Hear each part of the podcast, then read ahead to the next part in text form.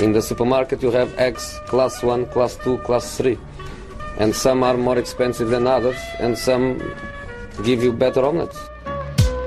That's the wrong information. Wrong, wrong, wrong information. I didn't say that. That's the wrong information. Do you think I'm an idiot? Wrong, wrong, wrong information. Now look at me when I talk to you. Your job is to tell the truth. That's the wrong information. Hej och välkomna ska ni vara till denna veckans avsnitt av Sillypodden med mig, Kristoffer Karlsson. Och med mig i studion så har jag två hjältar som vanligt, Kalle Karlsson och Patrik Sjögren. Glad måndag på er grabbar. Vad tycker ni om helgen som varit? Nej men den har för egen del menar du då eller eh, för eh, Ja, klubbarna mest- ute i Europa? Jag kanske mest tänker på det som hände i natt med eh, Sergio Romero till Manchester United. Ja, det var så på specifik alltså. under små timmarna i natt att eh, presentera ännu en målvakt. Fyra stycken i truppen nu. Vad är det som händer här? Nej men alltså han, Valdes kan man väl säga. Ja men alltså han sa ju ganska tydligt där Luis van Gaal vad han eh, tänkte med den här. Han eh, vet att eh, Valdes kommer att försvinna. Eh, det finns fortfarande en risk att David de Gea kommer försvinna och då måste han säkra upp. Eh, jag blev förvånad eh, när eh, Romero-ryktet dök upp från början. För jag tycker nog ändå att eh, Anders Lindegård är tillräckligt bra för att vara andra val. Och så skulle man kunna ha ett tredje val bakom där som, som plockar bollar. Men eh, eh, om de Gea blir kvar och han ska in Romero så tycker jag kanske att det var en lite överraskande värvning ändå. Att, eh, för jag tycker inte han är tillräckligt bra för att vara etta. Och eh, jag tycker inte han, jag tycker han är lite för bra för att vara tvåa. Man verkar gilla sina gamla spelare från Schall. Han hade väl Romero i AZ när han nästan satte ligarekord i antal nollor och så var han gratis också. Så att det känns ju som han väljer de där han ändå har koll på. Han känns som en väldigt eh, så trogen tränare till sina spelare. Utifrån pris och erfarenhet, han gjorde ett bra Ja. VM också, så är det ju klart att eh, det är en helt okej värvning. Eh, och jag menar, om Romero då köper att de Gea kan bli kvar och han ska sitta på bänken nästa säsong så är väl det bra att få en så bra keeper som ändå köper eh, en backup-roll. Och Lindegård ville väl gå redan för något år sedan. Så att vi får se om han hittar något nytt nu till slut också. Han ska väl inte vara tredje målvakt riktigt. Och, eh, men det är inte slut där. Eh, Vi har Jasper Sillesen som eh, ryktas in han också. Det är också hans gamla målvakt. Det är klart, klart han ryktas in då. Det är bara att ta alla hans gamla lag de senaste tio åren så kan du bara kasta in ryktena så mycket du vill. Men... Och det här är en målvakt som som sagt spelade med landslaget i VM. Blev ju lite grann en av turneringens snackisar. Han blev utbytt där i, inför straffläggningen. Men, men om vi kollar på honom då jämfört med Romero. Om vi förutsätter att Sillesen är på väg in också. Vilket det ändå tyder på eller? Nej, Ah, det det tror jag jag inte. Nej, det tror jag inte. Utan nu har de stängt där i målvaktssidan. Det är jag rätt övertygad om ändå. Ja, det tror jag också. Jag tror de bara lägger ihop det där återigen. Gamla spelare. De vet vad de gör. De brittiska medierna. De gör ju samma sak varje gång. Och Sillesen är väl mer en talang. Det känns, han var inte så övertygande trygg i VM tycker jag på något sätt. Han känns fortfarande väldigt flaxig och sådär. Eh, och varken han eller Romero känns egentligen som ett, en första målvakt för Manchester United tycker jag just nu. Men det sker kvar en säsong då kanske och skola in någon. Det lutar ju åt det. Samtidigt så är ju augusti månad rätt lång när det handlar om eh, vad, vad som kan hända. Och ligan kan faktiskt sparka igång och så kan det ske väldigt stora saker även efter det. Och, eh, det, kan verkar ju som att eh, allting, eh, precis. Det verkar ju som att allting hänger egentligen på Ramos-grejen. Jag tror att om Manchester United får indikationer på att, de, att Real Madrid kan tänka sig att släppa Ramos. Mm. Då kan de släppa de Gea utifrån att han riskerar att gå gratis nästa sommar. Men om de inte får Ramos då tror jag att de behåller de Gea och så tar de smällen med att han kan gå för noll kronor nästa sommar. Men det känns konstigt om de skulle släppa Ramos nu också med tanke på att de gjort han till kapten precis. Det blir ju en prestigeförlust där också. Det tyder ju Absolut. på att, de, på att det stämmer det som sägs att de gör allting för att han ska stanna och då känns det som att han kommer stanna. Sen kan säkert United muta kvar de Gea Alltså på något treårskontrakt där de liksom ger en, en klausul så han kommer ur men han får ja, 40 millar i fickan för att göra det. Så United får lite betalt. Det är väl där det kommer sluta som det känns idag. Och vad tror vi om den härliga lilla konspirationsteorin att eh, United försöker hålla de Gea fram till att eh, Real Madrid får ett Fifa-värvningsförbud och därmed inte kan värva de Gea på ytterligare en säsong. Vad, vad, vad ger vi om en sån fantastisk konspirationsteori? Ja, inte, man får ju älska teorin Den är såklart. bra, Det är en bra teori men eh, jag tror inte att det fungerar så i praktiken och eh, jag tror också att det finns en poäng just United och Real ändå vårdar den relationen hyfsat som de ändå har gjort genom åren. Jag tror inte att de skulle sitta och blåsa varandra på det sättet så kalkylerande är de nog inte. Och ni nämner eh, Ramos-affären där. I Madridpressen idag slår man stort på att det är muy cerca, mycket nära att han förlänger med klubben och blir kvar. Då. Det här bråket, var det bara ett spel för gallerierna? Ramos versus Florentino Perez. Det hette ju efter ett tag att han eh, jobbade för att få upp sin lön och sådär. Men jag tror inte det från början. Jag tror faktiskt att det var hans allierade, att eh, Casillas, att han ändå blev utsparkad genom bakdörren. Att de skickade Ancelotti. Eh, och liksom och fortfarande det här gamla kriget med Mourinho där de hamnar på olika sidor. Så att, eh, jag tror helt och fullt på att han faktiskt var jävligt besviken på klubbledningen och att det här var mer eller mindre en öppen protest mot hur de skött det här. Sen eh, verkar Ramos vara den som kan förlåta för det är ju fortfarande klubben i hans hjärta känns det som, trots att han inte fostrar där och han blir ju en väldigt viktig symbol för dem också nu när de släpper Casillas, att de inte släpper hela sin spanska stomme. Så att jag, tror att, jag tror att han var genuint upprörd. Jag tror inte att det var en, en Wayne Rooney där han bara ville höja sin lön.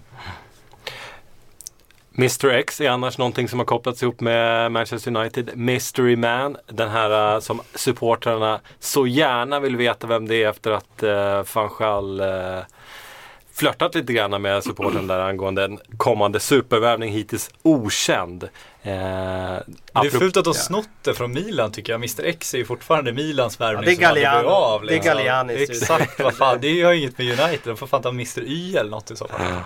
Och Göteborg var ju också inne och uh, Ja, på de kämpade Marcus. Vulkan satt och fikade utanför Kamratgården i två veckor liksom i väntan på att det skulle dyka upp någon spelare. Det gjorde aldrig det tyvärr.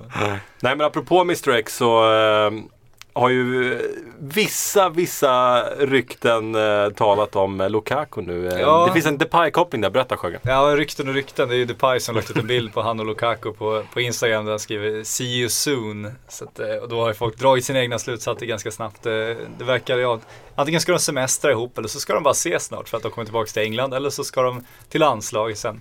Tycker han, ja inte landslaget samma då men. Semestrar vore ju konstigt med tanke på att säsongen börjar nu och Ja, det men blir de ska ingen ta, någon, semester ta någon nu. vecka i England där, ett, ett par dagar. Nej men det, det finns ju ingen som helst, eh, det är ingen som vet varför de ska see you soon. Men det har ju såklart startat ryktena och det finns ju eh, den här anfallsvärvningen som ska in och det är fortfarande ingen som har berättat vem det är riktigt och Fanchal har hintat tydligt om att det är någon det inte har pratats om även fast han sen sa att det inte handlar om en anfallare vilket man kan tolka hur man vill.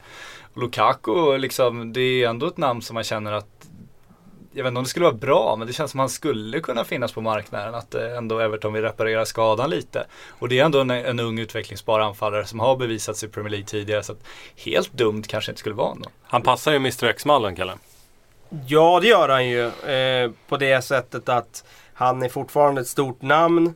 Eh, och precis lite som du är inne på att han eh, lyckades ju inte i Everton i fjol. Och de skulle kunna få en bra peng för honom fortfarande och plocka in någon kanske spelare som de betraktar att de får bättre värde av.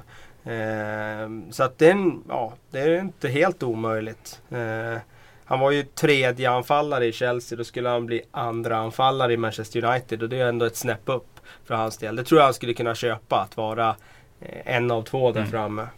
Och hur tror vi att han hade klickat med van Gaal då? Det var ju problem med Mourinho i Chelsea. Alltså, men det är ju de här Eagles clash, man kan ju aldrig förutse det liksom. Det känns som Mourinho, eh, man trodde ju att det skulle vara Ronaldo han kanske skulle börja bråka med. Trots att de då har språket gemensamt. Men då började han ju bråka med Casillas istället som han kände som en from liten spansk pojke som ville alla väl. Så att det känns inte som man kan förutse hur de där ska fungera Så jag vet inte om det var så mycket bråk egentligen med Lukaku i den meningen. De var, de var nog inte helt överens om hans eh, truppstatus och han valde att gå. Det var, och sen har de väl bråkat lite i efterhand om varför han valde att gå egentligen. Snarare än att jag tror att de bråkar. Men som Zlatan sa i veckan om van Gaal där, att om han skulle gå till United skulle det bråka hela tiden. Men han gillar att bråka. Så att. Eh, apropå Mourinho och Chelsea då så eh, kopplas de ihop med John Stones från Everton. Eh, Everton uppges begära 34 miljoner pund eh, för försvararen. Eh, engelsmän, vi vet de kostar mycket. Men är John Stones kanske det här namnet som ändå lever upp lite grann till prislappen så känner jag att lite grann känner jag i alla- så i alla fall. Ja, alltså det är ju helt rätt förhandlingstaktik om inte annat att sätta en sån där orimlig prislapp för att eh, eh, det kanske innebär att man, eh, att man får ut någonstans mitt emellan marknadsvärdet och den här orimliga prislappen. Eh, med de summorna som har varit den här sommaren så tycker jag inte att det är fel att, att eh, den där prislappen skjuter i höjden. För att det är ju den mest talangfulla engelska försvararen. Mittbackar är extremt, eh, det har vi pratat om nu i- känns det som ett par år, att de är väldigt sällsynta på marknaden de där mittbackarna som verkligen går in och förstärker. Eh, men eh, för min del så jag tycker att det är rimligt att han kostar en massa, massa pengar. Och med tanke på hur andra summor den här sommaren har sett ut så tycker jag att ja, det, det, det är svårt att sätta en exakt prislapp men att om det landar på 25 miljoner pund så tycker jag inte det är konstigt.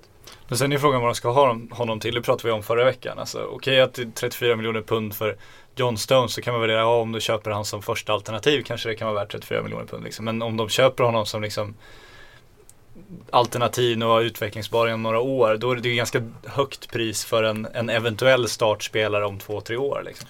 Absolut, men som sagt jag tror att eh, Chelsea har ju råd att, att göra den där typen av värvningar där man köper en som får stå i skuggan ett år. Och bara att stå i, liksom under Terrys mantel och lära av honom ett år tror jag kan vara nyttigt. Så att eh, det behöver inte vara, det kan finnas en plan med det. Sen är det klart att det finns ju fortfarande en Cahill och en Zuma där. Så att eh, han kommer ju vara en av tre även om Terry skulle börja trappa av eh, 12 månader framåt i tiden. Men Cahill fick ju en del banner eh, under säsongen för sina insatser. Han hade ju en svacka där på ja, några veckor där han eh, radade upp några svaga insatser. Men sen kom han ju tillbaka väldigt starkt under våren och till slut var det ju han och Terry som, som var första val där i mitten igen. Apropå att stå i skuggan då. Quadrado. Eh, Chelsea ser ut att vara på väg eh, bort nu. Eh, om vi kollar tillbaka bara ett år och eh, liksom minns hur han var i VM. Eh, fantastisk i VM och eh, liksom tillsammans eh, med James då i Colombia så liksom satte de ju verkligen färg på turneringen. Nu är situationen en helt annan. Vi har, vi, har snackat, vi har rört om de här frågorna lite grann tidigare. Vi har snackat om Kyrl, De Bruyne. Är, är det någonting liknande vi ser här? En spelare som lämnar, kanske exploderar någon annanstans?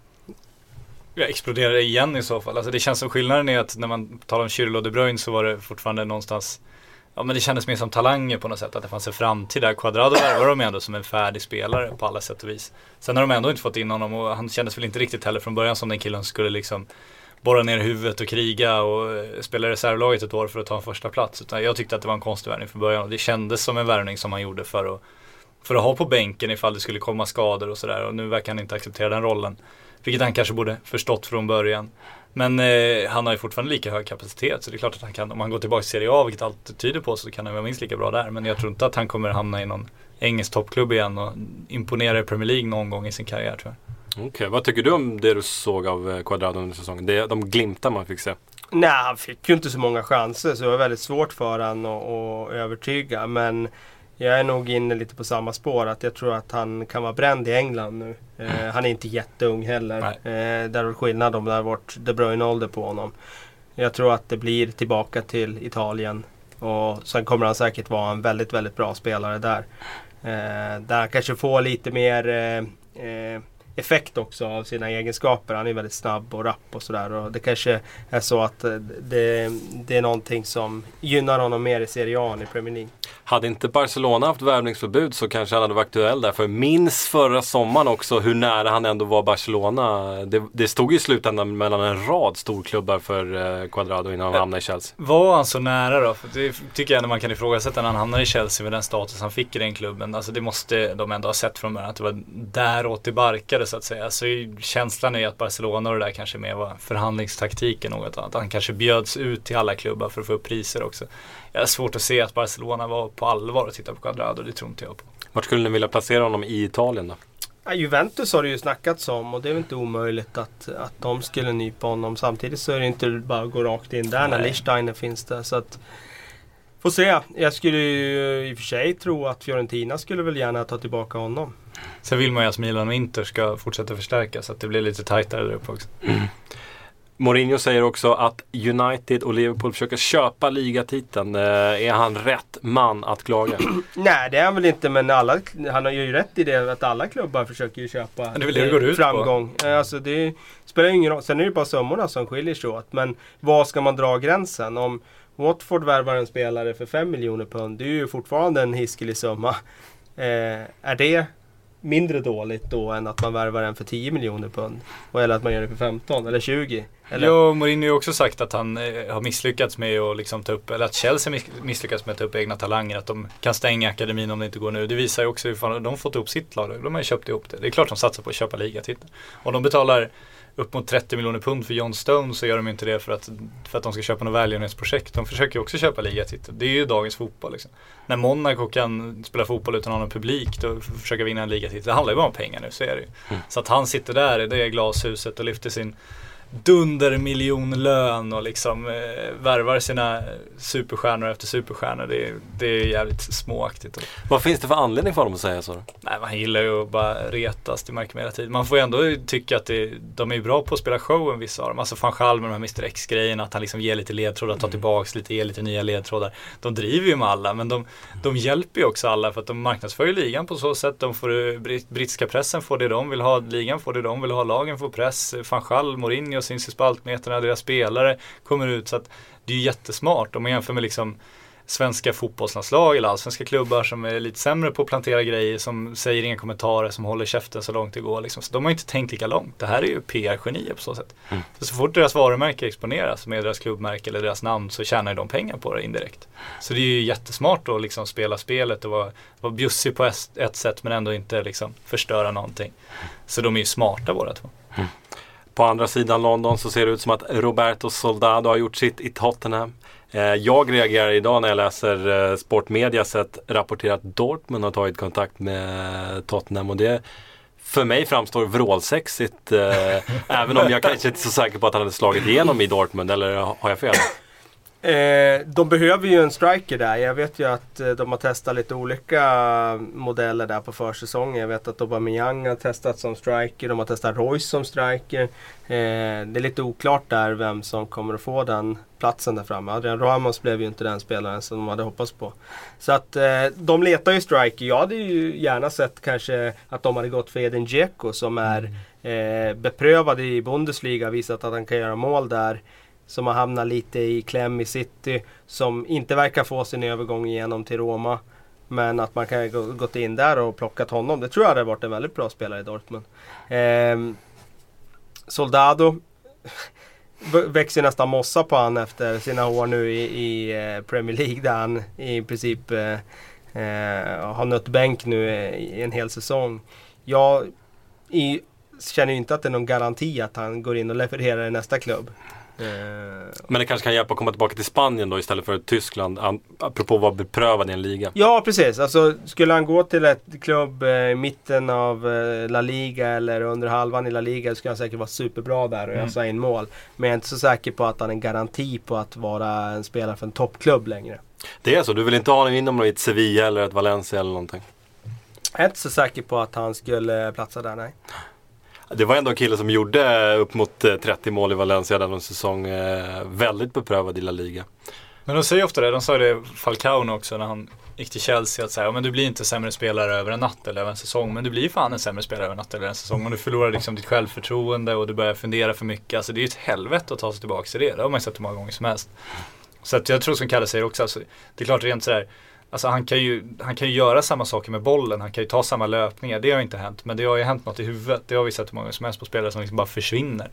Så att jag tror också att han är bränd för de stora scenerna. Motivationen är inte lika hög Ja. längre. Alltså när du är på väg uppåt och kurvan pekar uppåt och åldern är liksom runt 25 där. Mm. Då, då siktar du fortfarande på att bevisa dig. Eh, behöver du inte bevisa dig längre och karriären börjar dala då kan det vara motivationsproblem Ja. också. Ja, det är lite annan vardag idag från när de värvade honom. Han kom ju verkligen som en frälsare till Tottenham. Det har man ju inte levererat vad gäller det kan vi konstatera. En annan eh, hjärtefråga för oss, eh, målvaktsfrågan i eh, Arsenal. Vi har snackat om den mycket. Med Peter Cech på väg eller in i klubben så, så lutade det ju ett tag om att Ospina skulle dra. Nu är det istället så att Chesney lånas ut till Roma. Och vad, vad, vad tror vi, liksom, har han en framtid i Arsenal efter det här lånet? Wenger sa ju det i alla fall. Han var ju tydlig med att han tyckte att han hade det. Att han har bevisat sig. Men vad ska han säga om han lånar ut spelaren? Ja, så är det alltså. Han kan ju inte säga någonting annat. Men det är klart att det är... Eh, eh, han får ju gå ut bakdörren här från Arsenal såklart. Eh, Chesney skulle ju bli den nya stora målvaktsstjärnan i Arsenal. Debuterar ju som 18-åring. Och jag tycker ju det, personligen att det är tråkigt när spelare som klubbarna har egenfostrat att de lämnar. Även om Ospina var bättre förra säsongen så hade jag hellre sett att han eh, hade lämnat. Jag vill ju att de ska ha så många spelare som möjligt kvar av dem som de har fostrat. Därför ser jag inte alls positivt när Chesney går. Men sett till hans karriärkurva så är det ju klart att han eh, behöver en nytändning. Jag menar hans eh, eh, senaste år har ju varit becksvart. Så att eh, det kan säkert bli bra att komma ner till Serie A och, och göra en, en bra säsong i en bra klubb där nere och kanske få ögon på sig igen. Ersätta check om några år. Ja, vi får se. Jag tror i och för sig att det blir svårt för honom att komma tillbaka i Arsenal och kanske bli första keeper så. Men får se. Större under har skett. Och Roma då som klubb, eh, han, när han kommer till en eh, Serie A-klubb istället, hur tror vi att han anpassar sig där nere? Kommer han att göra succé i Roma? Svårt att säga. Han är ju inte engelsman i alla fall. Då hade vi kunnat avfärda honom direkt. Engelsmän i Serie A, det, det går ju inte. Nej, men det är svårt att säga. Men han har ju... Pepe Reina gjorde det ganska bra i Napoli. Gjorde det helt okej. Ehm, nej, men han har ju onekligen en väldigt, väldigt stor talang med tanke på hur, hur bra han var när han kom fram Chesney. Eh, ett annat segment som jag valt att kalla för veckans svenskrykte den här veckan. Det är Mattias Johansson eh, eh, som ryktas till Watford. Premier League-nykomlingen och skulle bli lagkamrat med Joel Ekstrand där i så fall. Hur eh, sexiga är de uppgifterna? Ja, de är väl direkt osanna om vi ska tro hans agent. Så Ja. ja, det var Fotboll Direkt som skrev det från början och sen har det dementerats av hans agent. Och det är ju ovanligt att agenter går ut och tar ner rykten på det här sättet för att de brukar föredra att det faktiskt pratas om deras spelare. Så jag vet inte hur smart det är att göra det. Men eh, Mattias Johansson är svårt. Han kom inte med i u landslaget påstådd konflikt med Håkan Eriksson. Men det var många som skyllde på konflikter där när de inte riktigt accepterade de roller Håkan ville ge. Han var ju väldigt ärlig med alla. Han kunde ju ringa upp en spelare och säga att ja, eh, jag vill jättegärna med dig i truppen men du kommer inte spela. Du, du är reserv, du får liksom kriga in men du börjar på bänken. Och vissa tog det, vissa tog det inte och de som inte tog det så bra de, eh, de eh, gillade att vädra det. Kan Mm. man säga. Mm. Så det var väl sånt som låg bakom där kanske lite. Det är lovande spelare men att han ska kliva in i Premier League känns liksom, alltså om du jämför med en Ludvig Augustinsson så tycker jag att Augustinsson är liksom klasser bättre redan. Så Mm. Jag har svårt att se att det är, det är rätt steg för honom att försöka ta en plats i Premier League. Det är ju ändå annars en spelare som liksom Alltså det har ju varit landslagssnack om honom med tanke Ja, på hur dåligt det, vi har ställt med ytterbackar i, eh, i eh, alltså A-landslaget. Ja så är det absolut men hade om vi har Lustig och Martin Olsson friska så tror jag inte att Mattias Johansson går in och tar en, tar en startplats i ett svenskt A-landslag ännu. Alltså det är ju lovande spelare, missförstå mig rätt. Men, men eh, jag tycker att man pratar om de här lagom steg och så vidare. Alltså ett Watford just nu med den, det finns, kommer ändå finnas en osäkerhet kring den klubben på sikt får man säga. Det är väl oklart om de kommer hänga kvar och så vidare. Så jag vet om det, rätt, om det är rätt steg riktigt. Det är inte ofta uh, nykomlingar byter tränare inför uh, Premier League-säsong. Nej, det var ju en väldigt, väldigt eh, stökig säsong för Watford i fjol. Där. De bytte ju tränare flera gånger där i, i början av förra säsongen. Och sen kom ju Kanovic in och sen lyfter han dem till Premier League. Och sen får han ändå gå. Eh, utifrån faktiskt löneförhandlingen. Han fick ju ett bud då som han inte alls var nöjd med. Han tyckte att han borde ha värderats avsevärt högre. Och, eh, det är klart att det skickar ju inte rätt signaler då när en så liksom, lyckosam tränare väljer att gå. Då hade de egentligen bara ett val att göra och det var ju att ta in en beprövad och stort eh, tränarnamn och det gjorde de ju då i Kiki Sanchez- Flores. Så att de räddade väl upp lite av sitt anseende där när de fick in ett stort känt namn. Men det blir väldigt spännande att se hur, hur han klarar av det där. Mm. Och så lär Ekstrand vara frisk från sin knäskada halvvägs in i säsongen. Så vi har ju ytterligare en svensk i Premier League. Alltid härligt. Stoke fortsätter att göra Stoke. allting Stoke rätt. Alona. Allting rätt! Allting Stoke rätt. Vad gäller silly season, för det är ju super silly i Stoke. Ja. Alltså alla namn som kopplas hit är ju fantastiska. Nu ska Affelaj vara på läkarundersökning heter det på vissa håll. Och i, i, alltså är det här ett vinnande koncept? De plockar ju liksom de här Barca fosterspelarna på band. Han blir ju tredje i så fall, uh, Affelaj. Ja, alltså där det gäller liksom Bojan och de andra så är det ingen tvekan om att de har blivit succé. Men Afelai, alltså har han någonsin varit så bra som hans rykte har han- gjort gällande? Väldigt bra sista säsong. Alltså han hade ju så sjukt bra timing på sin, sin formtopp där sista säsongen i PSV när han liksom bar den klubben som lagkapten och sen hade ett utgående kontrakt. Det gick ju väldigt, väldigt bra det där. Mm. Det var ju så han kom till Barcelona men sen han lyckades inte alls i Barca. Jag, tror, jag har inte hört att han var speciellt bra i Olympiakos heller under utlåningen. Så att det känns ju som ett, ett oprövat kort. Samtidigt har Bojan innan han kom till Stoke någonsin varit så bra som sitt rykte. Nej, det var ju när han kom fram egentligen i Ja. Barcelona och var 17 år och gjorde 10 mål i La Liga typ som 17-åring. Det var väl då i så fall. Men eh, det är klart att eh, Stoke eh, alltså bygger steg för steg om sitt lag till någonting helt annat. De har ju tagit den här Joselu också, anfallaren från Hannover var senast. Eh, och det är klart att eh, gå från Crouch till Joselu. Eh, det är klart att eh, de bygger ju om det där och de har gjort det väldigt, väldigt bra. Eh, alltså, Mark Hughes gjorde det väldigt, väldigt bra i fjol. Det finns alla möjligheter att sluta på topp 8. Eh, definitivt från en topp 10-plats den här kommande säsongen. Men sen handlar det ju sådär som klarar de av en lång säsong och skador och sånt där. Det ska stämma. De tappar ju sin bästa spelare, kanske Steven Nsonsi. De går till Sevilla. Det är klart att det kommer kännas också. Mm. Men de måste ju chansa också. Alltså, Shakiri var ju på gång kändes det som. Men sen eh, verkar det som att han inte var så sugen på det trots allt. Och det är den typen av spelare har ju Stoke såklart jättesvårt att värva. De måste ju försöka ta en, en Bojan som är lite desperat behov alltså i sin karriär och lova honom speltid och förtroende och få in honom på det sättet. De behöver ta killar som Afelai och hoppas att det blir liksom tokutväxling på något de andra har gett upp. Det är, det är ju där de måste vara. Så det behöver inte vara en, alltså bara för att det är en osäker värvning som Afelai så kan det ju fortfarande vara en, en bra värvning för Stoke. Mm.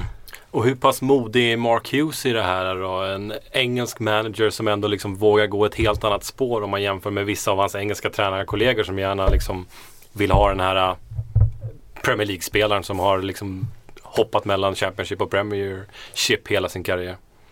Ja, jag vet inte, men han har ju sett också. Men liksom, det är klart att man kan snegla på Swansea och titta på vad, vad de lyckats med. De har ju faktiskt lyckats etablera sig i Premier League med en filosofi som bygger på en allt annat än engelsk fotboll. Så det är klart att eh, han eh, fick säkert också råg i ryggen av förra säsongen där han kunde plocka in en Bojan som kunde kliva in i nummer 10 position och, och vara så pass bra i, i eh, den tuffa brittiska fotbollen. Det är klart att han eh, nu har fått mandat att fortsätta på den banan.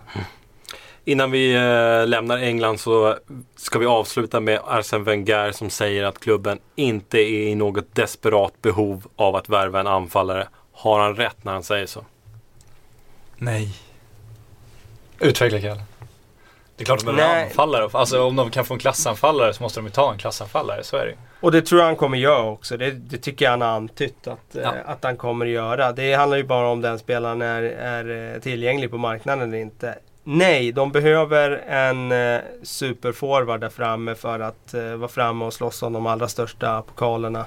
Liksom och hota framåt i Europa och så vidare. Jag tror ju att de, med Peter Käck nu, med de här två senaste FA titlarna i ryggen, med en extremt bred trupp som de har nu. Och väldigt många alternativ där framme. Och en hel Theo Walcott också. Som kan avlasta Giroud där framme. Så tror jag absolut de kan blanda sig i toppstriden och vinna ligan. Men om Arsenal ska bli eh, ytterligare ett snäpp och, och verkligen vara en eh, alltså, favorit till ligatiteln. Då behöver de ha en, en eh, världsklassanfallare där framme. En man som Benzema kanske. Men det Eh, var väl eh, om man ska ta eh, van Schall igen. Han pratade om att de största klubbarna behöver en liksom en Agüero, de behöver en eh, Hazard, de behöver en Neymar. Han sa Ashley Young är bra men han är ingen Neymar sa han idag. Så Mm. det ska bli jävligt intressant att se vad Ashley Young tar det när han läser de citaten. Mm. Det ser jag fram emot. Mm. Zlatan Ibrahimovic, PSG, ser ut att eh, knyta till sig Angel Di Maria. Zlatan är ute och tokhyllar Di Maria och PSGs värvning av honom eh, lite tidigt där kanske. Och jag kan inte hjälpa konspiratorer som jag är att undra är det bara en härlig hyllning eller finns det någonting annat här bakom? Eh, Vad skulle det kunna vara här bakom? Alltså om klubbarna inte är överens, eh, vilket mycket tyder på att de är nu, men om de inte är överens och Zlatan går ut och vevar så här, då sätter han ju press på klubben att eh, lösa Di Maria här med den här hyllningen. Ja, Gör han inte det? Chelsea har jobbat så med John Stones. Det har vi ju sett när de skickade ut Cale och andra och hela den spelaren. Så det är klart det är smart. Samtidigt så vet man ju också att det, var, det här var ju ingen intervju som PSG bestämde att Zlatan skulle göra för att de ska få Di Maria. Utan det här var en intervju under deras USA-turné som ju var planerad. Ja, du, du, du tror inte att PSG är superlyckliga över den här? Jo, jag tror, jag tror inte att det här är kanon. Men Mm. jag menar bara att jag vet inte, alltså det, han fick ju också, alltså får han en fråga om Di Maria som är på gång. Det är klart, han har två alternativ. Antingen så är han tråkig och säger ingenting eller så måste han hylla honom. Han kan ju inte göra någonting annat. Ja men han kan Så säga liksom det är en fantastisk sitsen- fotbollsspelare så är det punkt där. Men han går ju faktiskt liksom i flera meningar här och tokhyllar både Maria och eh, PSG för att liksom en sån här värvning går igenom. Jag Ja, tycker ja. ändå att han är Ja, jo, väldigt det, det är fler spelare i PSG som är ute nu också och pratar om Di Maria. Så att, nej men det är klart det kan vara taktik. Samtidigt så känns det också ganska sent för det känns som den värvningen faktiskt är mer eller mindre klar. Den bilden har man haft nästan hela sommaren tycker jag. Att det, liksom, det, det kommer bli av. Eh, så att jag vet inte om det, men det- absolut, du kan, eh, jag kan köpa din teori till viss del att Zlatan agerar lite sportchef. Eh, men Di Maria då i PSG, vad, är, är han det som krävs för att de ska ta steget förbi kvartsfinal i Champions League? Är det här en superstar eller är han den Di Maria vi såg i slutet i United? Lite halvdassig. Om han trivs med livet utanför, vilket han inte gjorde i England. Eh, då tror jag absolut att han kan nå tillbaka till den nivån han höll i Real Madrid. Det är trots allt bara ett år sedan som han eh, var väldigt dominant där på vägen fram till Champions League-titeln. Så att eh, jag tror absolut att det är en spelare som kommer lyfta PSG en nivå. Eh, jag, jag hoppas att, att det är det. Jag hoppas att han hittar sitt forna jag. För att det var en väldigt sevärd spelare och en av de absolut bästa mittfältarna i Europa när han, när han var i, när han var eh, på sin toppnivå. Så att ehm, ja, jag tror att eh, de kan ta ytterligare ett snäpp och de har inte varit så långt ifrån i Europaspelet och nå fram till en, en eh, till och med en final de senaste åren. Så att eh, det kan de mycket väl vara. Men det finns ju risk att han trivs lite för bra med livet utanför också. Man vet ju hans landsman Lavetzi, det har väl varit hans fall lite i PSG om man får tro alla rykten att han Han eh, har väl eh, bättre koll på Paris nattklubbar än på PSGs träningsanläggning nästan. Så att han har ju varit runt där och det, om Di Maria går lite i samma fälla då blir det ju inte bra om han hänger på Lavetzi nu. Men det känns inte som han har det intresset heller riktigt. Han känns lite mer som en family man, Ja. Di Maria. Men det känns ju som det är det här PSG har saknat, alltså den kreativa, det som Pastore skulle vara från början som han nästan blev förra säsongen, men inte riktigt. Alltså de har ju haft ett väldigt bra in i mitt fält men ganska defensivt sittande. Alltså det är inte så att Verratti bjöd på den farten, det var inte så att Motta bjöd på den farten. Sen har han haft väldigt speedigt anfall. Men länkarna däremellan har ju liksom saknats på något sätt. Där kan han ju fylla en, en väldigt viktig funktion Mm. så de får Zlatan lite närmare mål också. Och vad, vad säger du om PSGs max, maktposition i eh, Europa att knyta till sig en, sån här spelare som Di Maria? Inte så mycket tycker jag för att eh, det är inte så många som vill betala den pengen som man kostar idag. Det är en klubb som verkar vilja göra det. Och det är PSG. Så att eh, det här var ju ingen eh, prestigevärvning där det var huggsexa mellan massa andra klubbar. Utan jag tror att de varit ganska ensamma på banan om att vilja liksom, lägga sig på den här prisnivån. Men de är, har ju en, en egen nivå på något sätt som liksom har, för att de är en liga som inte är så högt aktad. De har blivit en klubb som är hyfsat högt aktad och de har ekonomi som är, är bland de allra bästa. Så att när, liksom, när United, Barca och Real tittar bort, det är ju där PSG kan vara då. Då kan de ju buda bort andra klubbar som Arsenal, som Liverpool, som, som Dortmund. Så att de har ju en, sina ekonomiska muskler. Så att, men det är ju fortfarande andrahandssorteringen. Det är som när de, när de liksom tog över hela Serie A, det var ju för att de bjöd över, över alla andra intresserade klubbar och nu får de ju hugga på de här som United inte vill ha längre. Ja, de, men de har en egen klass i, i näringskedjan kan man säga. Ja, är det snarare en påminnelse då om vart PSG är i näringskedjan med tanke på att de ville ju ha honom förra säsongen och blev brädade av just United. Och sen efter en flopp i United, då kan man få honom till otroligt hög prislapp Ja men så är det och de tvingas fortfarande betala väldigt, väldigt högt. Men det är intressant med det här tycker jag också är United att de, de har ju förlorat all respekt för pengar, vilket de kanske inte, behöver kanske inte ha någon respekt för pengar heller. Men bara Di Maria och Falcao kostar ju 300 miljoner, alltså exklusive lön, bara ögonsummor. Och de hade de bara ett år båda två. Det är det de förlorar på de två nu. Det är ju helt absurt egentligen. Det är ju, alltså att man tillåter sig att göra den förlusten är ju, det är få klubbar förunnat och det är få klubbar som skulle, skulle göra det också, även fast de skulle ha råd.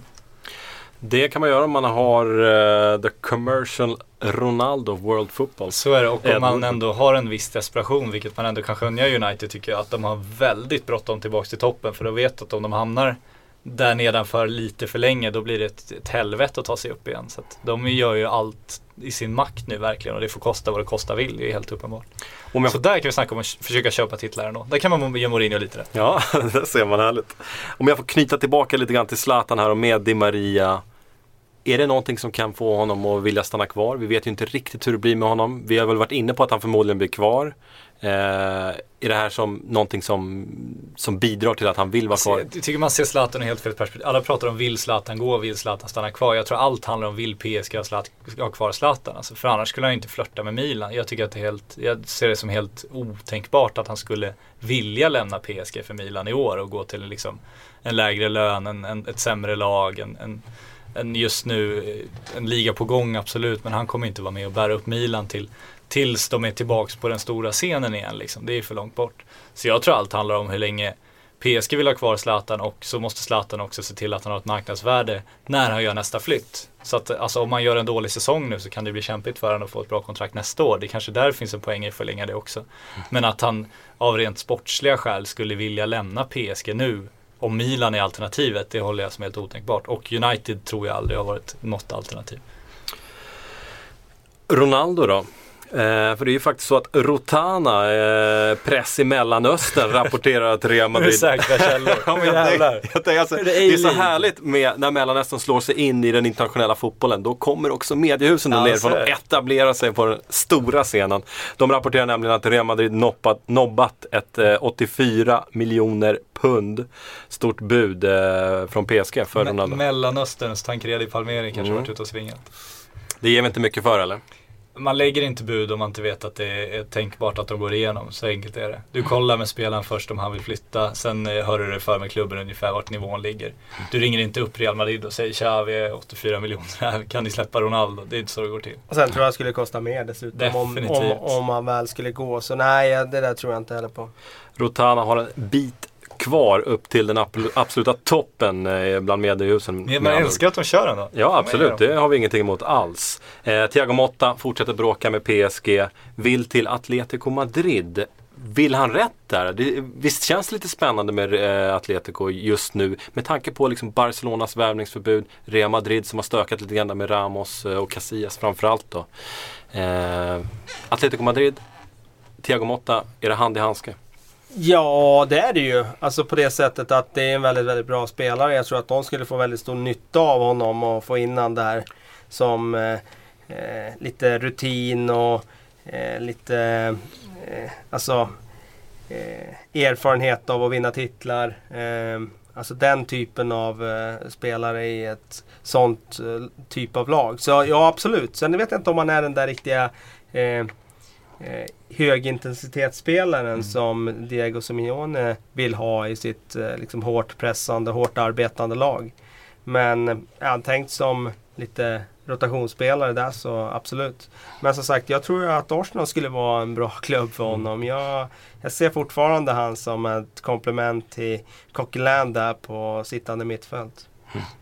Och vad säger du om PSG? Att liksom spelare bråkar så här öppet. Eh, vad, vad, hur är status i klubben där bland spelarna? Men nu är det, det är väl sociala skäl framförallt. eh, Och det verkar som att han har spelarna bakom sig i alla fall med tanke på de här nattklubbsbesöken där, där Zlatan och den övriga makteliten i PSG ändå hängde med han ut där när han vägrade träna på dagen. Så att han Mm. verkar ha dem med sig. Det blir ju en knivig situation. Det är, vi pratar ju ofta om det, vi pratade om Sterling-fallet tidigare. Att det, det går inte i praktiken att tvinga kvar en spelare i en klubb om man är missnöjd. Alltså du kan ju till slut, du kan muta honom kvar så göra honom nöjd på det sättet liksom. Men du kan inte ha en spelare som du under kontrakt som, som inte vill vara där överhuvudtaget. Så att de, de kommer ju tvingas släppa honom. Det, det tror jag verkligen. Sen har de ju problemet då att de måste ersätta honom nu när de släppt Kabay också. Men varför är han så otroligt missnöjd i PSG? Jag begriper inte. Ja, man vill ju han till Spanien, det är det de sagt hela tiden, att han inte trivs i Paris. Att han, hans familj bor fortfarande kvar i Spanien, om inte helt fel. Och då kan man väl förstå det också. Han har ju faktiskt gjort en hel del för PSG redan, så man kan väl ära honom för det. Men sen är det lite osmidigt att, att slå sig bort. Men jag kan också tycka att PSG borde, det är ändå så pass gammal spelare och så, så det, det borde finnas möjligheter ändå. Göra honom till lags där kan jag tycka. En eh, riktig helgbomb var ju när Be In Sports basunerade ut att eh, Pep Guardiola är klar för Manchester City från och med nästa säsong. Alltså han tränar Bayern München ytterligare en säsong innan han kliver på eh, hos Manchester City. en bomb i ordets sanna bemärkelse. Och jag, eh, och jag tänker spontant, hur kommer det här påverka Manchester City under säsongen? Och hur kommer det påverka Bayern München? Ja, alltså då utgår det ifrån att, eh, att de tror på det det är här. sant. Ja, Ja men det är ju ganska stor, eh, alltså Bean Sports, vi snackade mediehus tidigare. Det här är ju ett relativt färskt mediehus som vi- vill göra, eh, ge ett seriöst intryck. Det här är inte... Så, ja fast samtidigt, Bein Sport gick ut i veckan och sa att Maria-affären var helt död och fick då L'Equipe och RMC Sport och alla efter sig och de bara fullständigt slaktade uppgifterna och sa att det här, det här är inte sant alls och Bein Sport har haft väldigt, väldigt mycket fel tidigare. Och då kan man tycka att Bein Sport, är det något de ska ha koll på så är det PSG eftersom de ändå har nära kontakter med PSGs ägare. Så någonstans ska vara rätt ute så är det ju där. Så om de då går fel där men sen ska lyckas avslöja då att en, en spansk tränare ska lämna ett tyst lag för ett engelskt lag oavsett vilka sponsorer de eventuellt har. Men det det Oavsett heter här... vilka ägare City eventuellt har så är det ändå helt absurt att, att, om det skulle stämma. Det, det heter här är ju då att PSG ska ha hört sig för med ehm, Pep Guardiola. Fått nej med motiveringen han är redan klar för eh, City från och med Är 2016. det här samma bra källor då som de hade fel om Di Maria kan man ju undra. Förmodligen. Ni dömer ut de här uppgifterna. ja, jag jag, jag, tror inte, jag tror inte alls på det. Nej, inte ens, sekund. och att han skulle gjort den dealen är också helt osannolikt. Alltså, ingen vet hur, hur en fotbollsklubb eller, eller hur din alltså, om ett år, det är, så långsiktig är man liksom inte som fotbollstränare. Jag har så jättesvårt att se det. Om man kollar på hur Guardiola agerade förra gången han skulle byta klubb så tog han ett sabbatsår för att sitta och bara och studera sitt, sitt nästa lag och hur han skulle göra, hur han skulle agera, vad det var som skulle förändras. Skulle han då redan nu gjort klart med City och på, på sin fritid och sitta och studera, alltså det är helt osannolikt. Förra gången hade han inte så bråttom heller, jag tror inte att han har så bråttom nu heller. Så Bayern München har inte några problem i dagsläget förutom att man, eh, ja, Nej men svårigheten med Pep är att han skulle ju kunna tänka sig att dra nästa år säkert. Alltså han har ju agerat väldigt sådär, alltså otraditionellt för visst på det kommer han att sättet. dra nästa år. Han kommer ju dra nästa säsong. Ja det håller jag inte för osannolikt heller. Nej, det är inte omöjligt med tanke på att han är en sån tränare som eh, verkar vilja mm, ha typ treårsregeln. Mhm. Alltså han jobbar tre år i en klubb och sen... Eh, för jag menar, det han hade byggt upp i Barcelona, Mm. det var ju någonting unikt. Och att han i det läget inte ville stanna för att han tyckte att ja, eh, det här var eh, enough. Liksom. Det, Mm.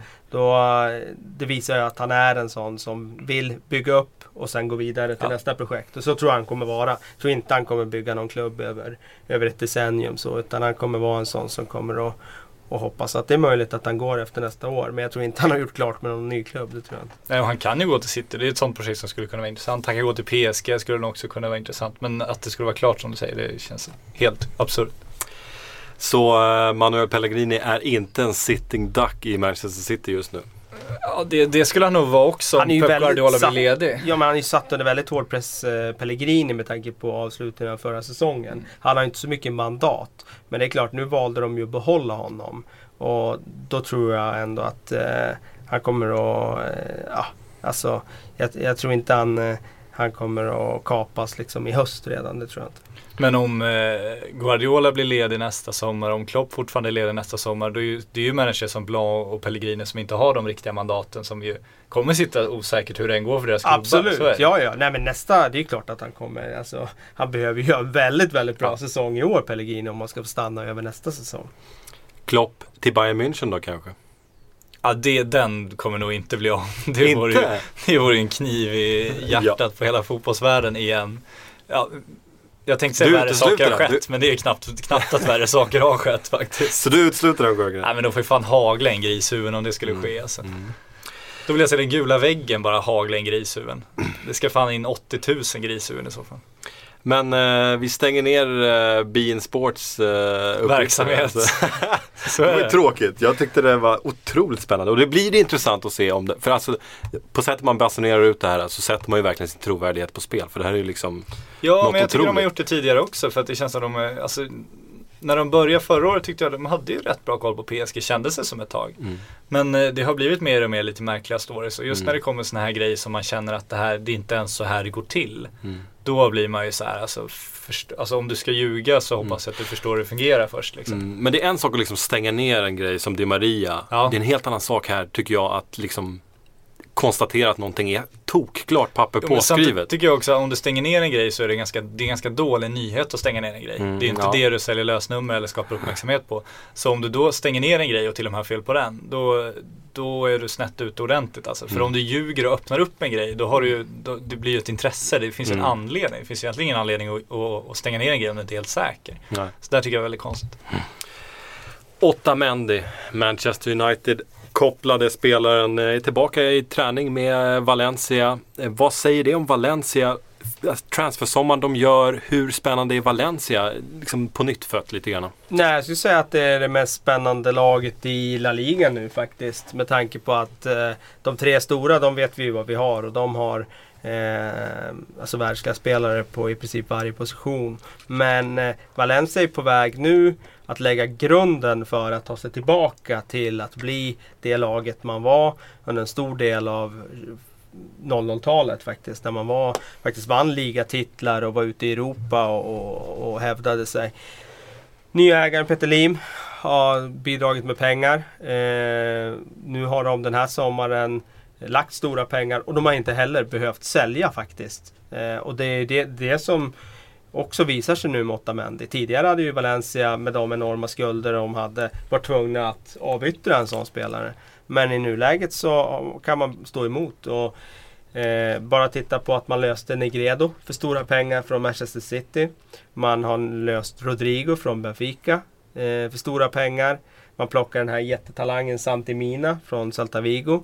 Eh, kan bli ett fynd på sikt. Eh, jag tror att eh, Valencia nu eh, känns eh, faktiskt som att de eh, eh, etablerar sig som en topp 4-klubb igen.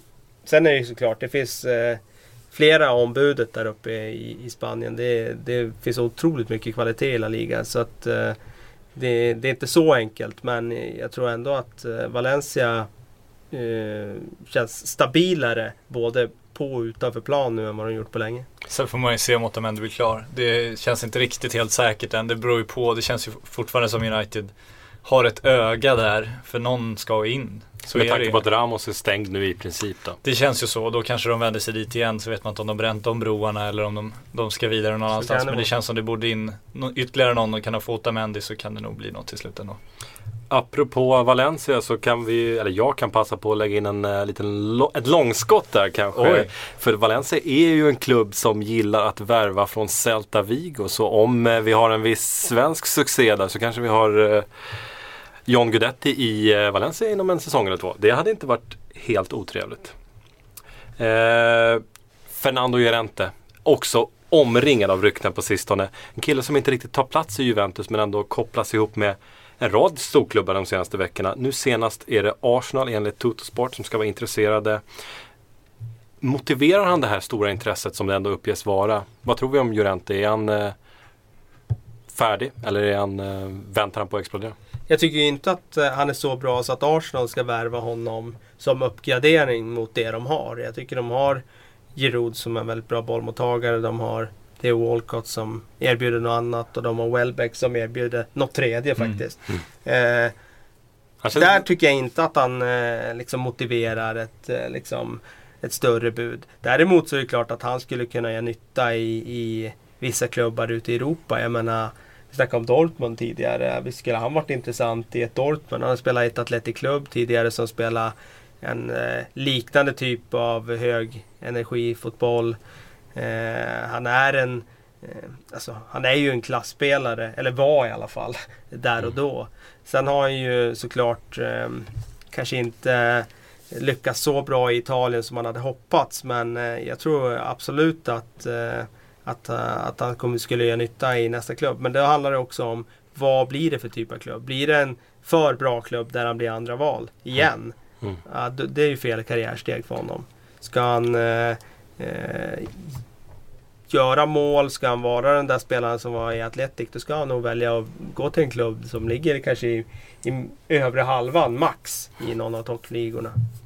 Ja, för men visst kändes det som en lite grann av en prestigevärvning för Juventus när han lämnade Athletic Bilbao. Han var ju li, lite lik Quadrado i det. Det var ju så mycket snack om han då eftersom han inte skrev på kontraktet. Mm. Exakt och han liksom blev väldigt, väldigt billig. Och då blev det ju som att han var en av de mest eftertraktade spelarna i Europa. Ja. Så bra var han ju aldrig.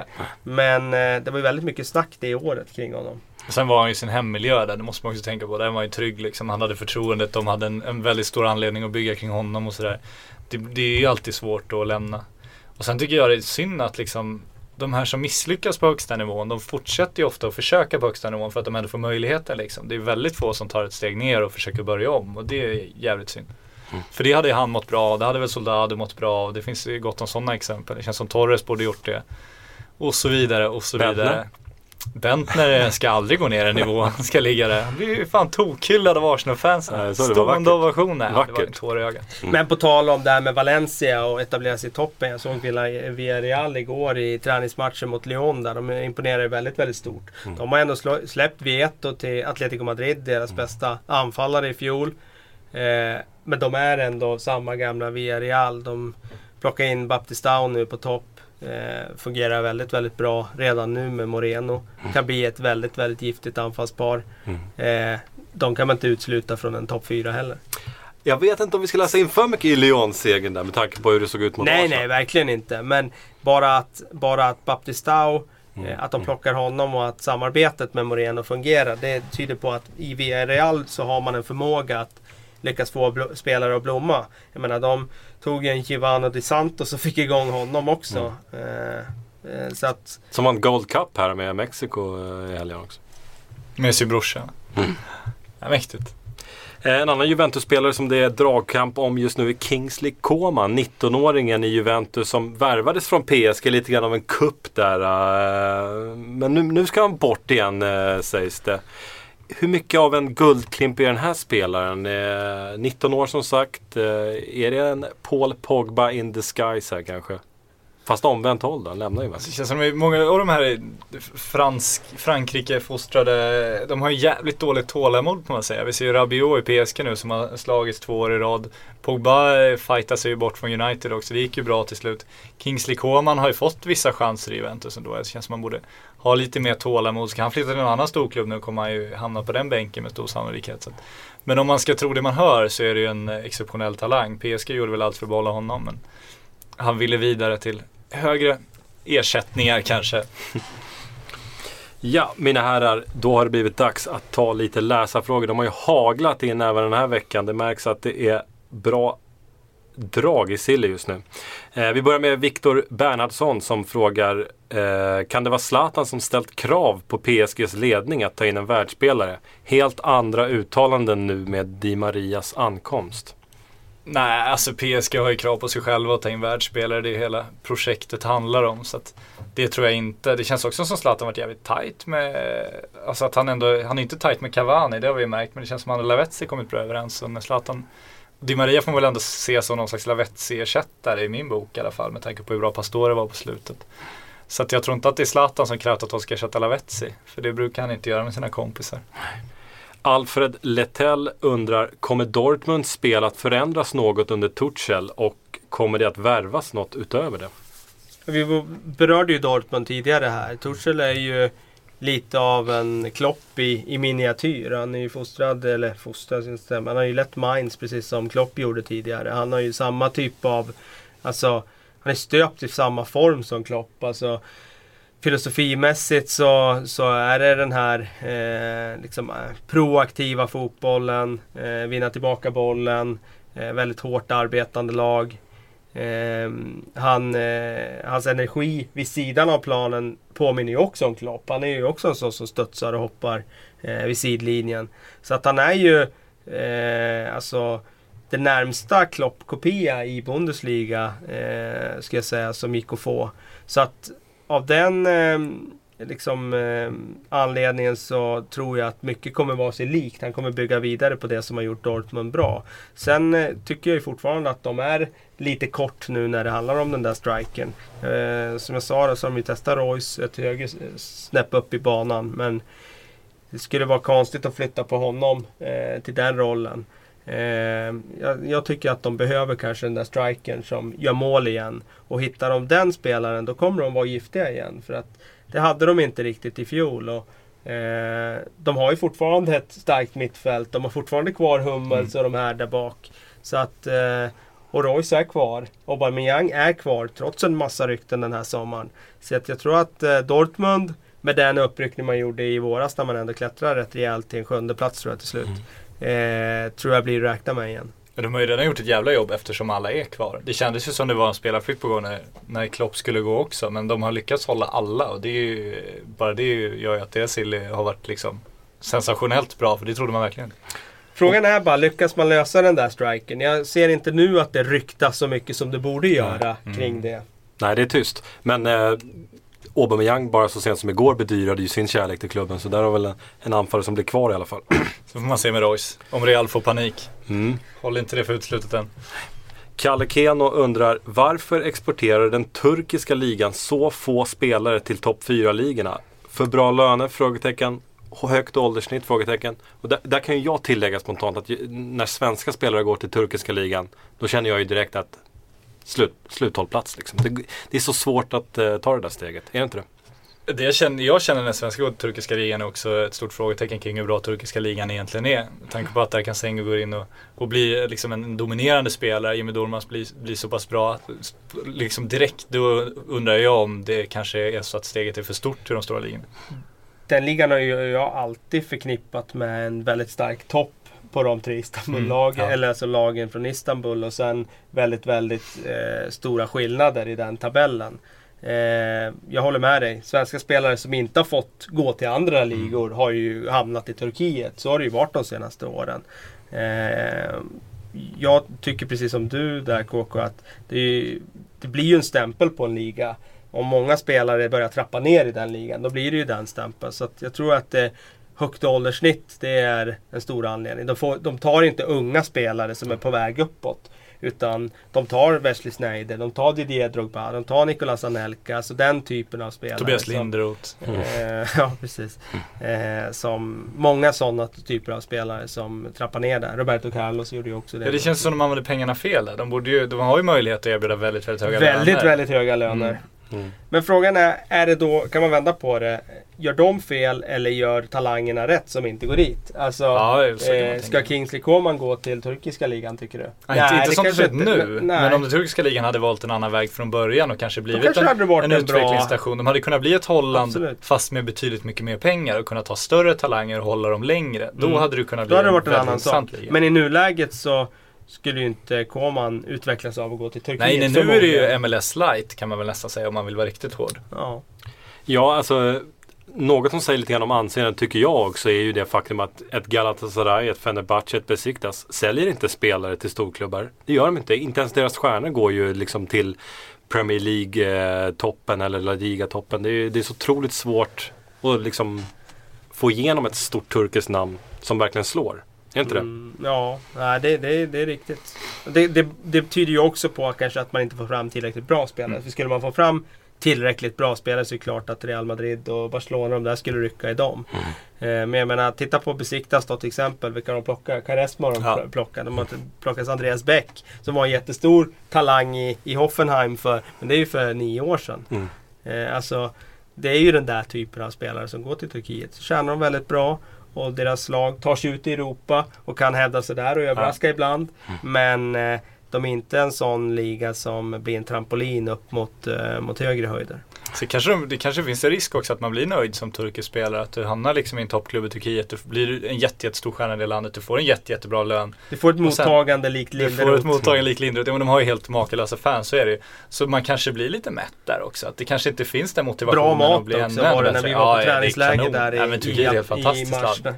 Jag älskar Turkiet som land. Mm. Eh, ja, inte allt de gör i andra stater och så vidare just nu. Men, men eh, levnadsmässigt, klimatmat och så är ju fantastiskt. Fansen är helt otroliga. Det är väldigt, väldigt bra löner. Så är du en bra turkisk spelare som tar plats i, i det bästa laget då kanske du inte är supermotiverad att bli ännu bättre och komma vidare. Så att det kanske finns ett hinder där också. Ja, jag kan bara säga att jag var spontant glad när Albin Ekdal inte valde Trabzonspor om vi säger så. Ja, herregud. om vi säger så. Adrian Ottosson undrar hur klarar sig Aston Villa utan Benteke och Delf? Vilka ska in? Ja, det är ju den stora frågan som alla Villa-fans ställer sig. Det, det går inte att svara på det mer än att de ser väldigt tunna ut i nuläget. De tappar sina två bästa spelare. Och Romflar eh, är det fortfarande ett frågetecken kring. Och skulle man tappa honom också så tappar man sina, eh, egentligen hela centrallinjen. Så att eh, det ser väldigt, väldigt tungt ut. Klarar man sig, nej inte sett till dagens trupp, så tror jag de får kriga på platserna eh, kring strecket. Ja, det är ju Adebayor som faktiskt är på väg in. Så är det ju och det blir ju naturligt att plocka honom. Alltså, jag menar, hur ska de få en riktigt bra forward? Där kan de få en forward som ändå har eh, eh, bevisat tidigare att han kan när han väl själv vill. Vilket han ofta också brukar vilja direkt när han kommer till en klubb. Så det är ju inte omöjligt att Aston Villa får ett jättebra första halvår. Eller till och med ett jättebra första säsong av Adebayor. Och då är väl det bra. Kan det vara så att Tim Sherwood till och med lyckas locka ut ännu mer tid än vad som är vanligt ur Adebayor med tanke på den goda relationen de hade i Spurs? Gick ju bra förra gången så att, jo men det känns ju, det är ju rätt tränare och, och om man ska värva Adebayor så ska man väl ha Tactics team som tränare. Fick vi det sagt också det där gången. Men Ja. Det känns väl som en, en, en bra värvning för alla liksom. Även ett bra steg för Adebayor. Och jag antar att ni sågade Delf förra veckan då när man säga. eh, U-svängen där. Ja. Bra. Vi, Va- vi har varit där och härjat. Bra, bra, bra, bra. Eh, Joel Samuelsson undrar, vad kommer Liverpool göra nu när de har köpt Benteke? Vad de kommer göra? Ja, finns det mer att göra De kanske? gör allt för att bli av med Balotelli. Ja, det kommer de göra. Det är ju ett väldigt intressant case med Balotelli. Vilken Det var ju- Serie D-anbud nu Det var, ja, precis. Det var en klubb i italienska tredje ligan va? Mm. Eh, som eh, hade mm, ändå långt gångna planer och liksom ambitiös eh, strategi för att få över Balotelli. Det säger väl någonting om hans status just nu. Och Ricky Lambert är en annan kille som kanske man vill men- av. Ja, men han är ju en sån som, han kommer ju gå i augusti. Sen vilken klubb det blir, det vet man ju inte. Men den klubben som startar dåligt och märker att oj, vi kommer inte göra några mål. Om det är West Bromwich som tappar Berraino eller behöver en backup ba- bakom Berraino. Om det är eh, Aston Villa eller vilken klubb det är, det vet man ju inte. Men han kommer ju gå. Eh, Jakob LFC undrar, vart hamnar Victor Valdes? Ja, nu är det nästan Turkiet som ska fram ändå känns det MLS som. då? Ja, MLS eventuellt. Det känns ju som det, det blir något sånt. Det känns som han... Nu chockar Kalles mobil. Chock, mobilchock. jävlar vad den bara vred till. Ja, men det känns som han eh, har gett upp sina sportsliga ambitioner nu. Det kändes så när han blev andra målet i United. Om han nu inte fick det där de Gea löftet och det verkar han inte fått. Så att jag tror att han, eh, känslan är att han kommer försöka klinga av karriären. Jag tror på en turkisk toppklubb faktiskt. Eh, då ska vi se. Marcus Ottosson undrar, vad tror ni om Nordfeldt, Kristoffer då, Nordfeldts chanser till spel i Swansea? Han eh, konkurrerar ju eh, ganska stark konkurrens där med Lukas Fabianski. Nej, jag tror de är väldigt små. Lukas Fabianski gjorde en jättebra säsong i fjol och eh, det är bara att kolla på... Eh, alltså, det är inget rotationssystem eh, kring keeprar i, i, eh, i Premier League i någon klubb. Så att, alltså jag har svårt att säga att han skulle få chansen på annat sätt än att det blir en skada. Så eh, samtidigt alltså, nu kan man ju kritisera folk för att de tar lite för stora steg. Men här tycker jag faktiskt att han gör rätt ändå. För att han har varit i Holland tillräckligt länge nu. Han har faktiskt imponerat stort där. Och, och nu fick han möjligheten ändå att ge sig själv den chansen. Det kan jag tycka är rätt. Absolut! Nej, han gör ju helt rätt. Han får uppleva Premier League. Han eh, får gå till en väldigt, väldigt bra klubb. Han har dessutom chansen, för det är det som är grejen som målvakt. Han har ju chansen Mm. att en skada så, så får han en fight. Och han kommer säkert luftas i, i eh, ligacupen direkt här i, i, i början av säsongen. Så får vi se om man, om man kan anta utmaningen. Men det är tufft för Fabianski gjorde som sagt en väldigt bra säsong. Oliver Bengtsson undrar, var Sergio Romero Uniteds Mr X? Eller tror ni man kan hoppas på något annat?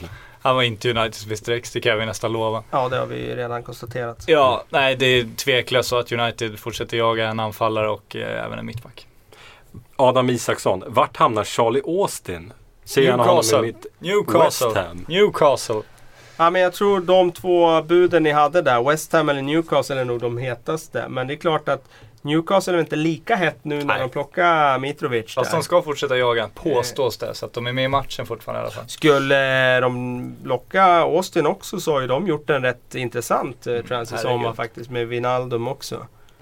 Ja, Austin är en sån spelare som jag tycker Newcastle behöver. De, alltså, de kan inte bara köpa de här unga utvecklingsbara som tror att de ska göra pengar på. Utan de behöver en, en, en slägga som kan komma och vara en stabil målskytt. Och det är precis vad Charlie Austin är. Pontus Ledung undrar, är Berraino en klok värvning för Spurs eller finns det någon annan offensiv kraft bättre lämpad? Eh, alltså, jag tycker han är för bra för att gå till Spurs och sätta sig på bänken. Så att jag tycker inte han ska gå dit. Det finns ingen anledning. Harry Kane är ju eh, gjuten och dessutom kapabel att spela väldigt många matcher. Så att, eh, jag, jag tycker ju jag tycker inte det är rätt steg alls för Berraino själv. Jakob Stolt. Får Hellas Verona det giftigaste anfallsparet i Serie A genom värvningen av Pazzini? Ja, alltså den är ju tung. Den är ju tung såklart eh, med Luca Toni och han. Eh, eh, men eh, giftigast i Serie A Han har varit tyngre för inte. 5, 6, 7 år sedan. Vad sa du? Han har varit tyngre för 5, 6, 7 år sedan, det anfallsparet. Ja, så är det ju. Men eh, det är klart, det kommer vara med där uppe. Och vi kan konstatera att Hellander får eh, trevliga lagkamrater i Verona. och Hellas får ett bra skägg liksom. Vad är det? Rasmus eh, Rasbjurish heter kontot. Eh, vore det inte mest logiskt om De Bruyne gick, går till Bayern München typ nästa sommar? Ribéry, Robben börjar bli till åren. Jo, det vore ju det mest logiska med tanke på att Bayern har ju en tendens att plocka russinen ur Bundesliga-kakan. Och Robben håller väl något år till men Mm. Ribéry känns Ribéry väldigt känns ju trött klar, alltså. alltså. Ja. Väldigt trött alltså. Det är lite förvånande faktiskt att han inte eh, såldes redan den här sommaren faktiskt. Håller att de med. inte ersatte där. Faktiskt. Men de har ju tagit in, vi glömmer ju alltid den här killen varje gång. Är det en brasse de har eller? Nu ska jag kolla upp det här, för det här, den här glömde jag förra gången också. Det känns som han... Eh, är någon Nu slags... snackar vi fortfarande Bayern München. Absolut. Ja, men jag vet, jag vet vem du menar. De har tagit in en kille. Man glömmer den här killen varje gång. Han är, Vi väntar småsnacka så länge. febrilt på Sjögrens googlande här. Eller hur? Eh, men då kan jag ta en fråga till dig Kalle medans. Ja. Eh, Luis tillbaka till Atletico Madrid. Eh, hur högt Douglas smäller det? Costa är det du Ja, glömmer. precis. Då är vi tillbaka i Douglas Costa.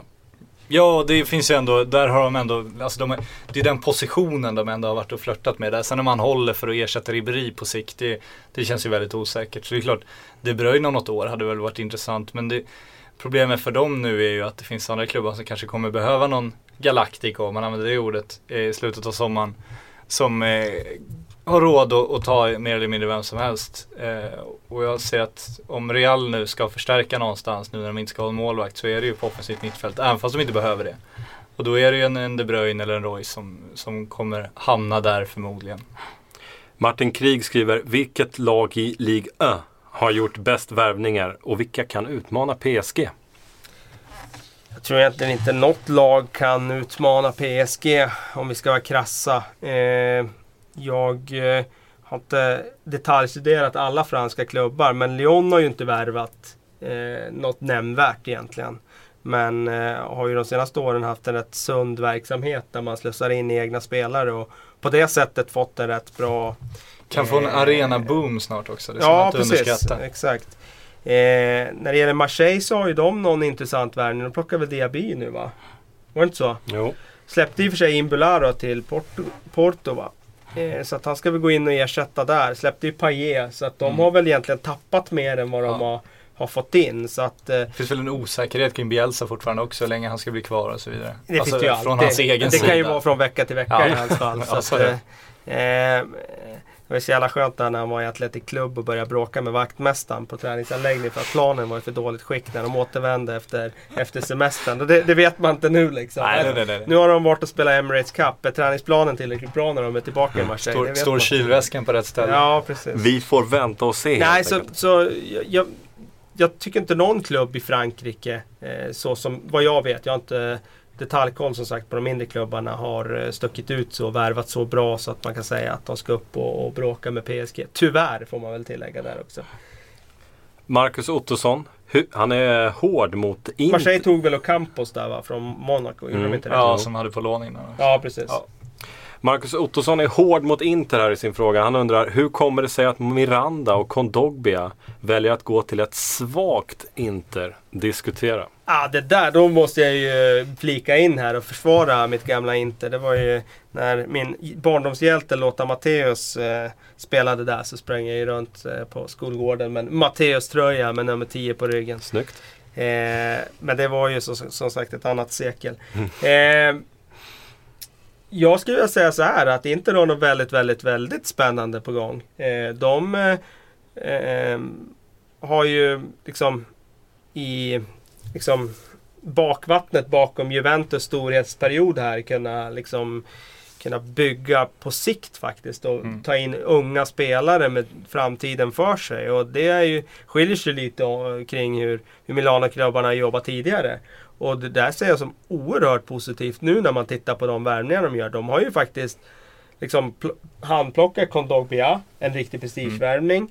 De har plockat Montoya från Barcelona. Jag tror att man bara lyssnar på en sån som Matteo Kovacevic nu då. Eh, Kovacic som säger liksom när han nobbar Liverpool och, och, och säger att nej men Inter är en stor klubb som är i klass med Real Madrid och Barcelona. Det är de ju såklart inte. Men det säger ändå någonting om att spelarna börjar själva tro nu på det som pågår i Inter. Och ny ägare i Toir som eh, pumpat in stålar. Eh, men framförallt vill jag nog säga en väldigt, väldigt sund värvningspolicy där man inte plockar eh, de här avdankade spelarna. Jag blev ju lite förskräckt här. Jag sa ju det förra veckan när det var rykten om Balotelli inte. Jag tror det är helt fel. Mm. Eh, när man istället Se till att behålla Icardi till exempel, behålla Kovacic, behålla eh, de här unga spelarna som man kan bygga kring. Då, då, då tror jag verkligen att Inter kan bli att räkna med på sikt. Jag tror inte de är redo för att eh, slåss om Serie A-titeln redan nästa säsong. Men jag tror definitivt de kan vara uppe och hota nu mot eh, en Champions League-plats. Och hur viktig är Roberto Mancini i det här projektet? Då? Nej, men han har ju såklart hög status i Inter efter det han gjorde förra, förra gången han var där. Så det är klart att han får en nyckelroll där. Masari lyckades ju aldrig riktigt i Inter. Så att alltså, tränarfrågan, eh, det är klart att han är central där. Jakob LFC undrar vad händer nu med träbenet Dzeko nu när Jovetic dragit till Inter? Han blir väl kvar ser det ut som just nu. Jag tyckte också Ja, att just han... det, Jovetic ska ju nämnas där i Inter Mm. också. Nu ser det ut som att de plockar Jovetic. Och för Inter är ju det en fantastisk värvning. Alltså i Serie A har han ju enormt hög status. Ja, ja. Och de har ju sagt där, och Siljo, sportchefen sa ju där att det var en, en offensiv brick- bricka de saknade och får de Jovetic så har de täckt den också. Så att, eh, nej. Eh, riktig eh, varningsflagg för Inter och deras transfersommar. Och nu vill Jakob veta vad som händer med Dzeko. Han blir väl kvar ser det ut som. Jag tycker själv att han borde ta chansen att dra nu. Jag tycker inte, alltså träbenet är hårt. Han är en, en, en, en typ av spelare som inte ska använda fötterna överdrivet mycket men ändå har rätt hyfsade fötter. Så att, eh, jag tycker att han borde gått och, och gått till, en, till ett Dortmund kanske där han hade fått en första anfallsroll. Jag tycker det var jävligt bra. Pusslat av dig Kalle. Eh, men det känns som Dzeko ser på sin egen City-roll på ett helt annat sätt än alla andra gör. Det känns som han känner sig mer eller mindre ordinarie även fast han inte får spela fotboll. Jag fattar inte hur han får ihop den ekvationen men han verkar väldigt, väldigt nöjd där. Roma verkar ju vara väldigt sugna på Dzeko. Problemet är ju bara det här eh, Citys värdering av honom. Ja. Den var ju eh, grotesk när man läste att de krävde 28 miljoner euro för honom. Och det känns inte som Dzeko kommer bråka sig bort heller. det Nej, finns inga det- som helst tecken på det. Så. Men samtidigt, augusti är långt. ja, så är det Jag visserligen. menar, som City nu, om de ska spela med en anfallare, Mm. Agüero etta, Mm. Bony tvåa. Mm. Då kan de ju ha råd att ha en sämre trea än Dzeko. De skulle kunna ha en, alltså, en, eh, till, eh, gud förbjude att säga det, men en egen produkt som trea. Det kommer de inte ha såklart. Men, men de skulle kunna ha en, en, eh, en mindre spelare där. Men eh, vi får se om det blir så. Daniel Söderlund. Kan uppstickaren Augsburg göra en lika fin säsong i Bundesliga i år? Nej, det tror jag inte att de kan göra. Det var ju en sensationell femteplats och bara det att de går till Europa League gör ju att de kommer dubbelspela den här säsongen och jag har svårt att se att de skulle greja det. Det blir ju nästan en ryggsäck som är för tung att bära för vilken klubb som helst. Jag, ser, jag, kan, jag tar gärna emot eh, eh, exempel på klubbar som har presterat bättre efter att de har gått till Europa League. Jag tror att de är väldigt få. Eh, de har ju kvar sin oerhört lyckosamma tränare Wei- Weitzinger eller vad han heter. Eh, Weinzel. Eh, och det är klart att det var egentligen den viktigaste eh, alltså brickan för dem, för att behålla honom. Det har ju varit lite rykten om honom när det handlar om vilka som är de hetaste Bundesliga-tränarna att plocka för, för lagen i England. Så, men eh, eh, de har ju inte pengar eller budget att göra liksom någon stor satsning. Sista frågan för dagen får bli Marcus Ottosson som eh, undrar om Chelsea gör bort sig som väljer att inte värva in någon startspelare. Det är svårt att säga när de vinner ligan, men vi pratade om det då förra veckan eller veckan innan att, att det är då man någonstans också måste försöka förbättra och förändra. Och jag vidhåller att eh, Oscar och eh, William är briljanta spelare i Mourinhos system, men att de inte kommer utveckla Chelsea och göra dem till, till ett bättre lag. Jag skulle gärna se att man chansar lite där och försöker hitta, inte en ny Ed Hazard, men en ny som kan bryta ett mönster och en ytterligare som kan bli ett offensivt hot. För jag tycker fortfarande att det, det ser tunt ut om Hazard skulle hamna i formsvacka eller gå sönder. Då tror jag att de skulle få problem. Så att jag skulle gärna se att de försöker hitta en ny superstar där, vilket det känns som de kanske har blivit lite bekväma. Men Då- man ska inte försöka köpa ligatiteln tydligen. Nej, det ska man inte göra. Det ska man passa sig för. Tack så jättemycket mina herrar för att ni kom in idag. Tack så jättemycket för att ni har lyssnat. Ha en fortsatt trevlig sommar så ses vi och hörs vi framförallt om en vecka. Hej!